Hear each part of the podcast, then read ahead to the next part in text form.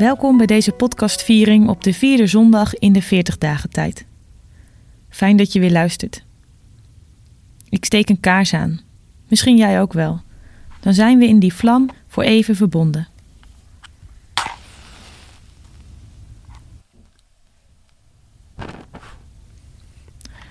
Nu de kaars brandt, wil ik je begroeten. Ik begroet je in de naam van God die ooit sprak: Er zij licht. En het was er. En ik wil je begroeten in de naam van Jezus, Gods licht in de duisternis. En ik wil je begroeten in de naam van de Heilige Geest, die mensen aan het licht brengt. Amen. Traditiegetrouw is de vierde zondag in de 40 dagen tijd een vrolijke zondag. De roze zondag tussen al het sombere paars in. Zondag letare. Dat is Latijn voor verheug je. We zijn op de helft van de weg naar Pasen. Er breekt al iets van het licht van Pasen door in het paars van de 40 dagen tijd en kleurt het roze. Maar of de podcast een vrolijke podcast wordt, dat is de vraag. Dat heeft te maken met het onderwerp. Want in deze podcast sta ik stil bij de strofen uit het Onze Vader en vergeef ons onze schulden, zoals ook wij onze schuldenaars vergeven. Het wordt in ieder geval geen makkelijke podcast. Ik zeg het maar vast even, dan kan je je borst vast nat gaan maken. Want het onderwerp is wat aan de zware kant voor een podcast van krap een half uur. En ga maar eens na. Schulden, schuld, beschuldigingen, slachtofferschap, schuldgevoel, schaamte, vals beschuldigd, spijt. Je herkent je vast wel in een van die woorden. Als je zoveel verschillende situaties kan bedenken bij het woord schuld, dan kan je nooit iedereen recht doen op dit vlak in een aflevering van een podcast. Deze podcast moeten jullie dus beschouwen als onaf. Maar ja, dat is eigenlijk met het hele leven zo. En er komt er ook nog eens bij dat de christelijke traditie behoorlijk ingezet heeft op het woordje schuld. Er kleeft iets vervelends aan. Er zijn, volgens bepaalde stromingen van de christelijke traditie, heel wat kinderen in zonde geboren en ontvangen. Net op de wereld en direct als schuld. Dat beeld heeft heel wat mensen de kerk uitgejaagd. Elke keer wanneer je het Onze Vader bidt, vraag je om vergeving van schulden, zoals jij zelf ook anderen vergeeft. Het is een stevig vers in het gebed dat je op allerlei manieren aan het denken kan zetten. Ben ik schuldig tegenover God? Wat betekent dat en hoe dan? En kan ik daar dan ook voor vergeven worden? En ook, kan ik zelf vergeven? Of dit een vrolijke podcast wordt, is de vraag. Het zal er ook van afhangen hoe open jij staat nu je dit hoort. Of je ontvankelijk bent. Of je er iets mee durft te doen. Nou ja, laten we eerst maar eens wat bidden om moed. God, dit is een gebed om moed. Moed om het oncomfortabele onderwerp van vergeving te onderzoeken. En ja, daar kunnen we wel wat kracht bij gebruiken. Want woorden als vergeving, schuld en spijt hebben altijd een naam en een gezicht. Het is altijd persoonlijk. Er zit een verhaal aan vast. Laat dit moment ons goed doen. Dat het ons verder helpt. Dat het misschien zelfs ergens een beginnetje van zou kunnen zijn. God, we bidden niet alleen om moed vanwege het onderwerp waar we ons in verdiepen vandaag, maar we bidden ook om moed voor mensen die moedeloos aan het worden zijn door de situatie waar we allemaal in zitten. Opgesloten in onze huizen, beperkt, met avondklok en al, wachtend op dat ene vaccin dat ons leven weer open zou kunnen gooien. Laat ons nooit de moed verliezen.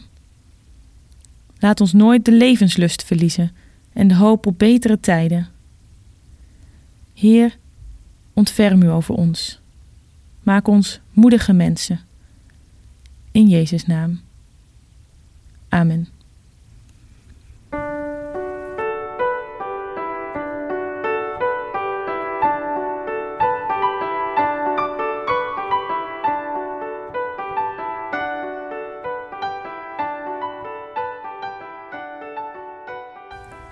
Gaan luisteren naar een gelijkenis van Jezus uit het Evangelie naar Matthäus, hoofdstuk 18, de versen 21 tot en met 35. Daarop kwam Petrus bij hem staan en vroeg: Heer, als mijn broeder of zuster tegen mij zondigt, hoe vaak moet ik dan vergeving schenken? Tot zevenmaal toe? Jezus antwoordde: Niet tot zevenmaal toe, zeg ik je, maar tot zeventig maal zeven. Daarom is het met het koninkrijk van de hemel als met een koning die rekenschap wilde vragen van zijn dienaren. Toen hij daarmee begonnen was, bracht men iemand bij hem die hem tienduizend talent schuldig was. Omdat hij niets kon terugbetalen, gaf zijn heer bevel dat de man samen met zijn vrouw en kinderen en alles wat hij bezat verkocht moest worden, zodat de schuld kon worden ingelost. Toen wierp de dienaar zich aan de voeten van zijn heer en smeekte hem: Heb geduld met mij. Ik zal u alles terugbetalen. Zijn heer kreeg medelijden. Hij liet hem vrij en schold hem de geleende som kwijt. Toen deze dienaar naar buiten ging, trof hij daar een van de andere dienaren die hem honderd denari schuldig was. Hij nam hem in een wurggreep en beet hem toe. Betaal me alles wat je me schuldig bent. Toen wierp deze zich voor hem neer en smeekte hem: Heb geduld met mij. Ik zal je betalen. Maar hij wilde daar niet van weten. Integendeel, hij liet hem gevangen zetten tot hij de hele schuld zou hebben afbetaald. Toen de andere dienaren begrepen wat er gebeurd was, waren ze zeer ondaan en gingen ze naar hun heer om hem alles te vertellen. Daarop liet zijn heer hem bij zich roepen en zei tegen hem: Je bent een slechte dienaar. Heel die schuld heb ik kwijtgescholden, omdat je me erom smeekte. Dan had jij toch zeker ook medelijden moeten hebben met die andere dienaar, zoals ik medelijden heb gehad met jou. En zijn heer was zo kwaad dat hij hem in handen van de gerechtsbeulen gaf, tot hij de hele schuld zou hebben terugbetaald. Zo zal mijn hemelse Vader ook ieder van jullie behandelen die zijn broeder of zuster niet van harte vergeeft.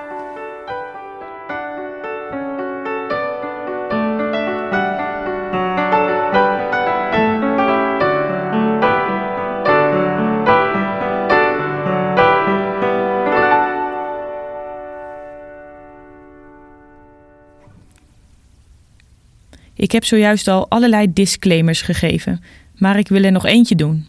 Een pastorale disclaimer. Want we gaan het dus over vergeving hebben. Dat is een heel breed thema. Ik beperk me vandaag tot de beden van het Onze Vader. En vergeef ons onze schulden, zoals ook wij onze schuldenaars vergeven. De insteek is God om vergeving vragen, zoals ook wij mensen vergeven die ons daarom vragen. En dan moet ik eerlijk zeggen dat er ook heel wat te zeggen is over mensen vergeven die je er niet om vragen. Jezus geeft erin zelf het voorbeeld als hij aan het kruis uitspreekt: Vader, vergeef het hen, want ze weten niet wat ze doen. Er is iets te zeggen over hoe die vergeving uiteindelijk jezelf geneest en hoe het je vrij maakt. Maar het zou te ver gaan als ik dit naar aanleiding van het Onze Vader zou beweren. Dat laat de lezing van vandaag ook wel merken. Daar wordt twee keer ronduit om vergeving gesmeekt. Vergeef ons onze schulden zoals ook wij onze schuldenaars vergeven. Dat woord schuld in het Grieks ophailema betekent in de meeste contexten financiële schuld. Daarom koos ik als Bijbellezing bij deze strofe van het Onze Vader voor de gelijkenis van Jezus over de koning met die dienaren. Het laat iets zien over de achtergrond waartegen het Onze Vader geschreven is. De agrarische wereld van Galilea en Judea. En daar waren heel wat boeren die land pachten van een landheer. Ze huurden dus het land en betaalde de landheer geld voor het gebruiken van de grond. Als je zo'n pachter was, liep je grote risico's. Als de oogst mislukte en je niks te verkopen had, had je al snel grote schulden bij de landheer. En dan kwam er een moment dat je die heer moest betalen, want die had recht op zijn geld. Maar je kon het simpelweg niet. Het enige wat je dan kon doen, was aan die landheer vragen: Scheld mij alstublieft mijn schulden kwijt. Als de landheer dat weigerde, moest je je land en je huis opgeven en stond je op straat met lege handen. Of je werd schuldslaaf. Veel mensen hadden schulden in de tijd van Jezus. Veel mensen liepen risico's schulden te krijgen. Het was een reële dreiging, want elk jaar een goede oogst zat er niet in. Veel boeren waren afhankelijk van de mildheid van die landheer. Het is een beetje zoals bij onze belastingdienst. Als zij rukzichtloos schulden innen zonder naar persoonlijke situaties te kijken, als zij de schulden gaan inhouden op de toeslagen, waar ze misschien wel recht op hebben, dan wordt het harteloos. Dan komen mensen steeds meer in de problemen en worden ze uiteindelijk een soort van schuldslaaf. In dat licht is het logischer dat de beden en vergeven ons onze schulden, zoals ook wij onze schuldenaars vergeven, direct na de vraag om het dagelijks brood komt. Zonder die vergeving, zonder die mildheid, konden velen niet leven, net als zonder hun dagelijkse boterham. Het krijgen van schulden was een dagelijkse dreiging. Maar oké, in het Onze Vader wordt er geen vergeving gevraagd aan de landheer, maar aan God. Dat maakt het natuurlijk wel even anders. God om vergeving van je schulden vragen kan misschien ook wel iets recalcitrants in jezelf naar boven halen. Hoezo heb ik vergeving nodig? Heb ik schulden bij God dan? En met de geschiedenis van de christelijke traditie in je achterhoofd zou je misschien ook wel willen zeggen: hebben we dat nu niet allemaal eens achter de rug? We geloven toch vooral met elkaar dat het leven iets moois is en dat we ervan mogen genieten? Moeten we ons dan echt schuldig voelen? Het christelijk geloof heeft daarin altijd iets dubbels. Het vertelt het verhaal over de ervaring dat het leven gegeven is. Het leven is ongelooflijk mooi en mysterieus. Het is ongrijpbaar en niet maakbaar. Soms komen er dingen op je af die je kan ervaren als een cadeau. Denk aan beantwoorde liefde, het krijgen van kinderen, een bepaald talent. Aan de andere kant heeft diezelfde traditie ook woorden voor wat je ook zo vaak kan ervaren in het leven. Je kan niet altijd de mens zijn die je graag zou willen zijn. Je bent soms lui, niet aandachtig genoeg, roekeloos, gevoelloos, ronduit onaardig, egoïstisch. Je belooft dingen die je niet waarmaakt. Je komt tekort. En dat kan aan je knagen. Misschien is dat het schuldgevoel dat we allemaal wel ergens herkennen. We zijn niet perfect, hoe graag we anderen ook zouden willen overtuigen van het tegendeel. In de Bijbel is er ook altijd nog een extra dimensie. Dat hoor je ook in het Onze Vader. Er wordt namelijk niet gebeden: En vergeef mij mijn schulden, zoals ik ook mijn schuldenaars vergeef. Maar vergeef ons onze schulden, zoals ook wij onze schuldenaars vergeven. Je bidt voor het collectief. Er zijn blijkbaar dingen waar we volgens Jezus met elkaar voor om vergeving moeten vragen. Ik geloof niet dat ik alle dingen waar we massaal niet in slagen hoeven op te noemen om dat inzichtelijk te maken. Nou ja, vooruit dan, een greep. Als ik zeg klimaatcrisis, vluchtelingenbeleid, gelijke rechten voor ieder mens, of je nou vrouw bent of niet, welke seksuele geaardheid je ook hebt, welke huidskleur je ook hebt. Ik hoef maar te wijzen op de manier waarop onze kleding over het algemeen gemaakt wordt en door wie en hoe we dat zelf in stand houden, want dat is zo lekker goedkoop. Nou ja, volgens mij zit wel weer even genoeg collectieve schuld voor vandaag. Want het opnoemen van zo'n lijst aan schulden, zonde, zo je wilt, heeft vaak ook het effect dat het je lam legt.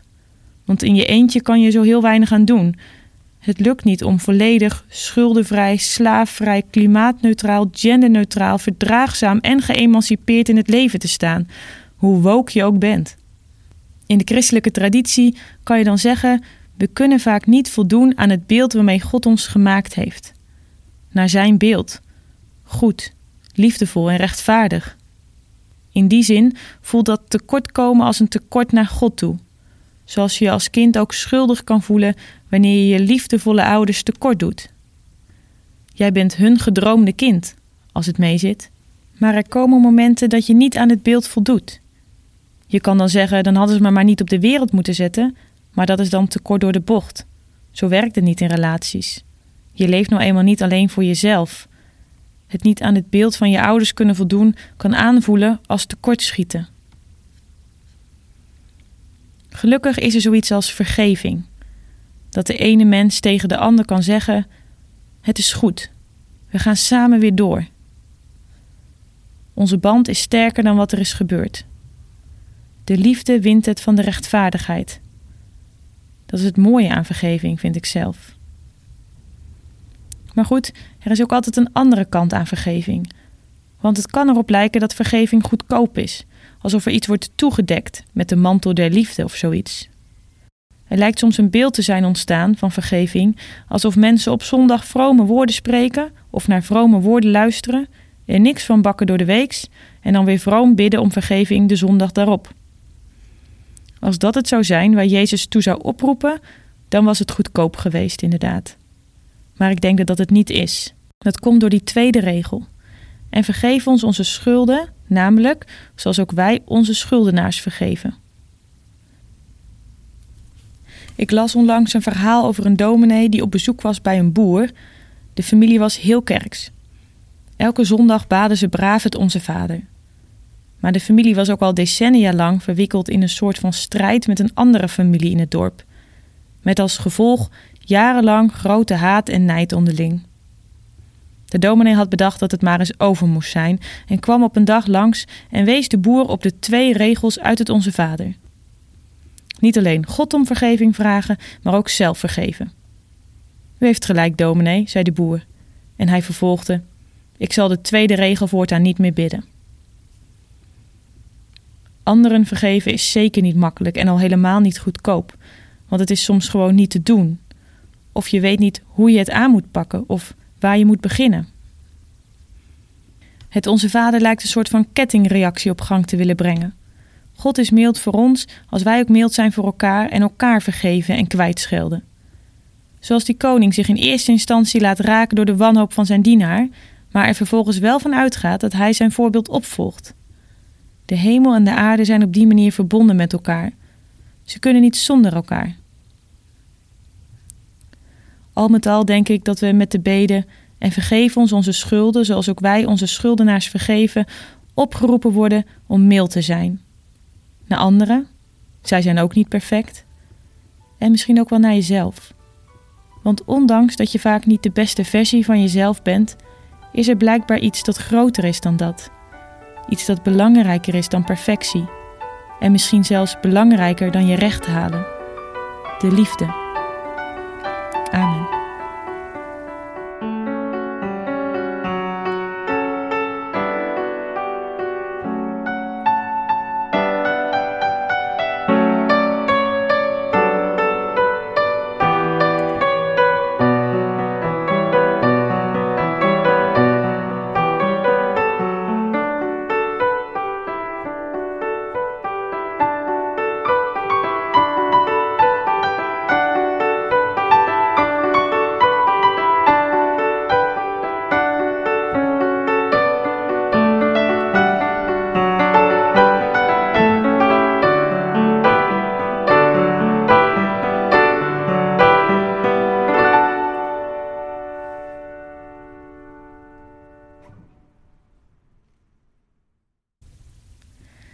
Ben je nou na het horen van deze podcastaflevering teleurgesteld?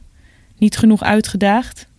Heb je de mildheid die uitvloeit uit de beden van deze podcast al helemaal onder de knie? Probeer ineens mildheid voor gevorderden.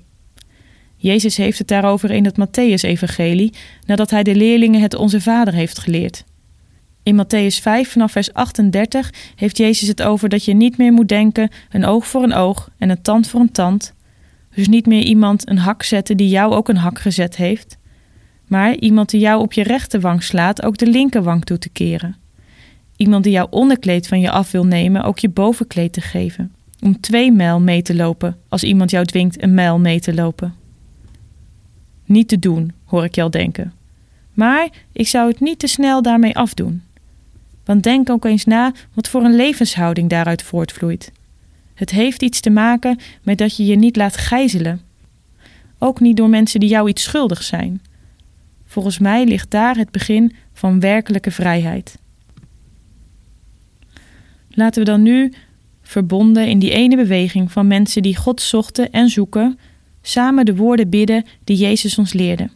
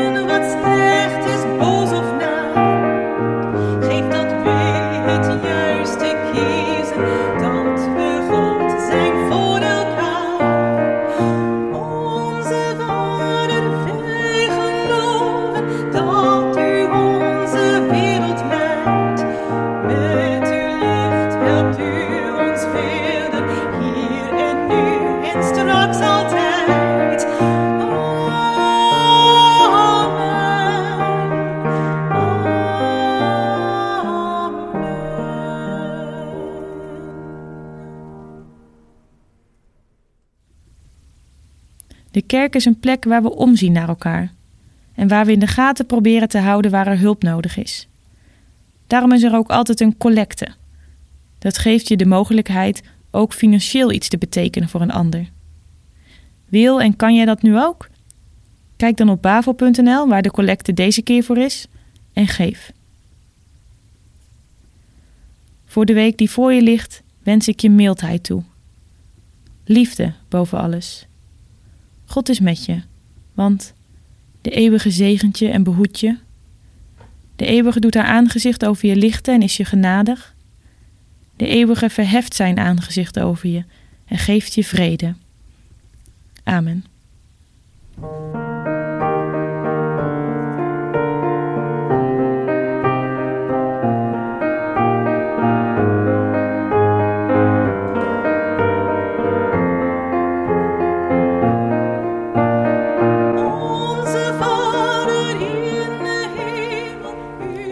Aan deze podcastaflevering werkte mee Hans Zwellengrebel als Petrus, Sophia Kraai als de eerste dienaar, Wil Kuipers als de tweede dienaar, Erik Mussen als de koning, Tom de Haan als Jezus. Tom monteert trouwens ook elke week deze podcast. Belangrijke man. Je hoorde Anton Pauw als kantororganist. Hij speelde een improvisatie bij Psalm 122. Je hoorde ook sopraan Michelle Mallinger lied 1006 uit het liedboek zingen. De opnames werden gemaakt door Michel Zera. En je hoorde mij. Ik ben dominee Willemijn van Dijk Heij.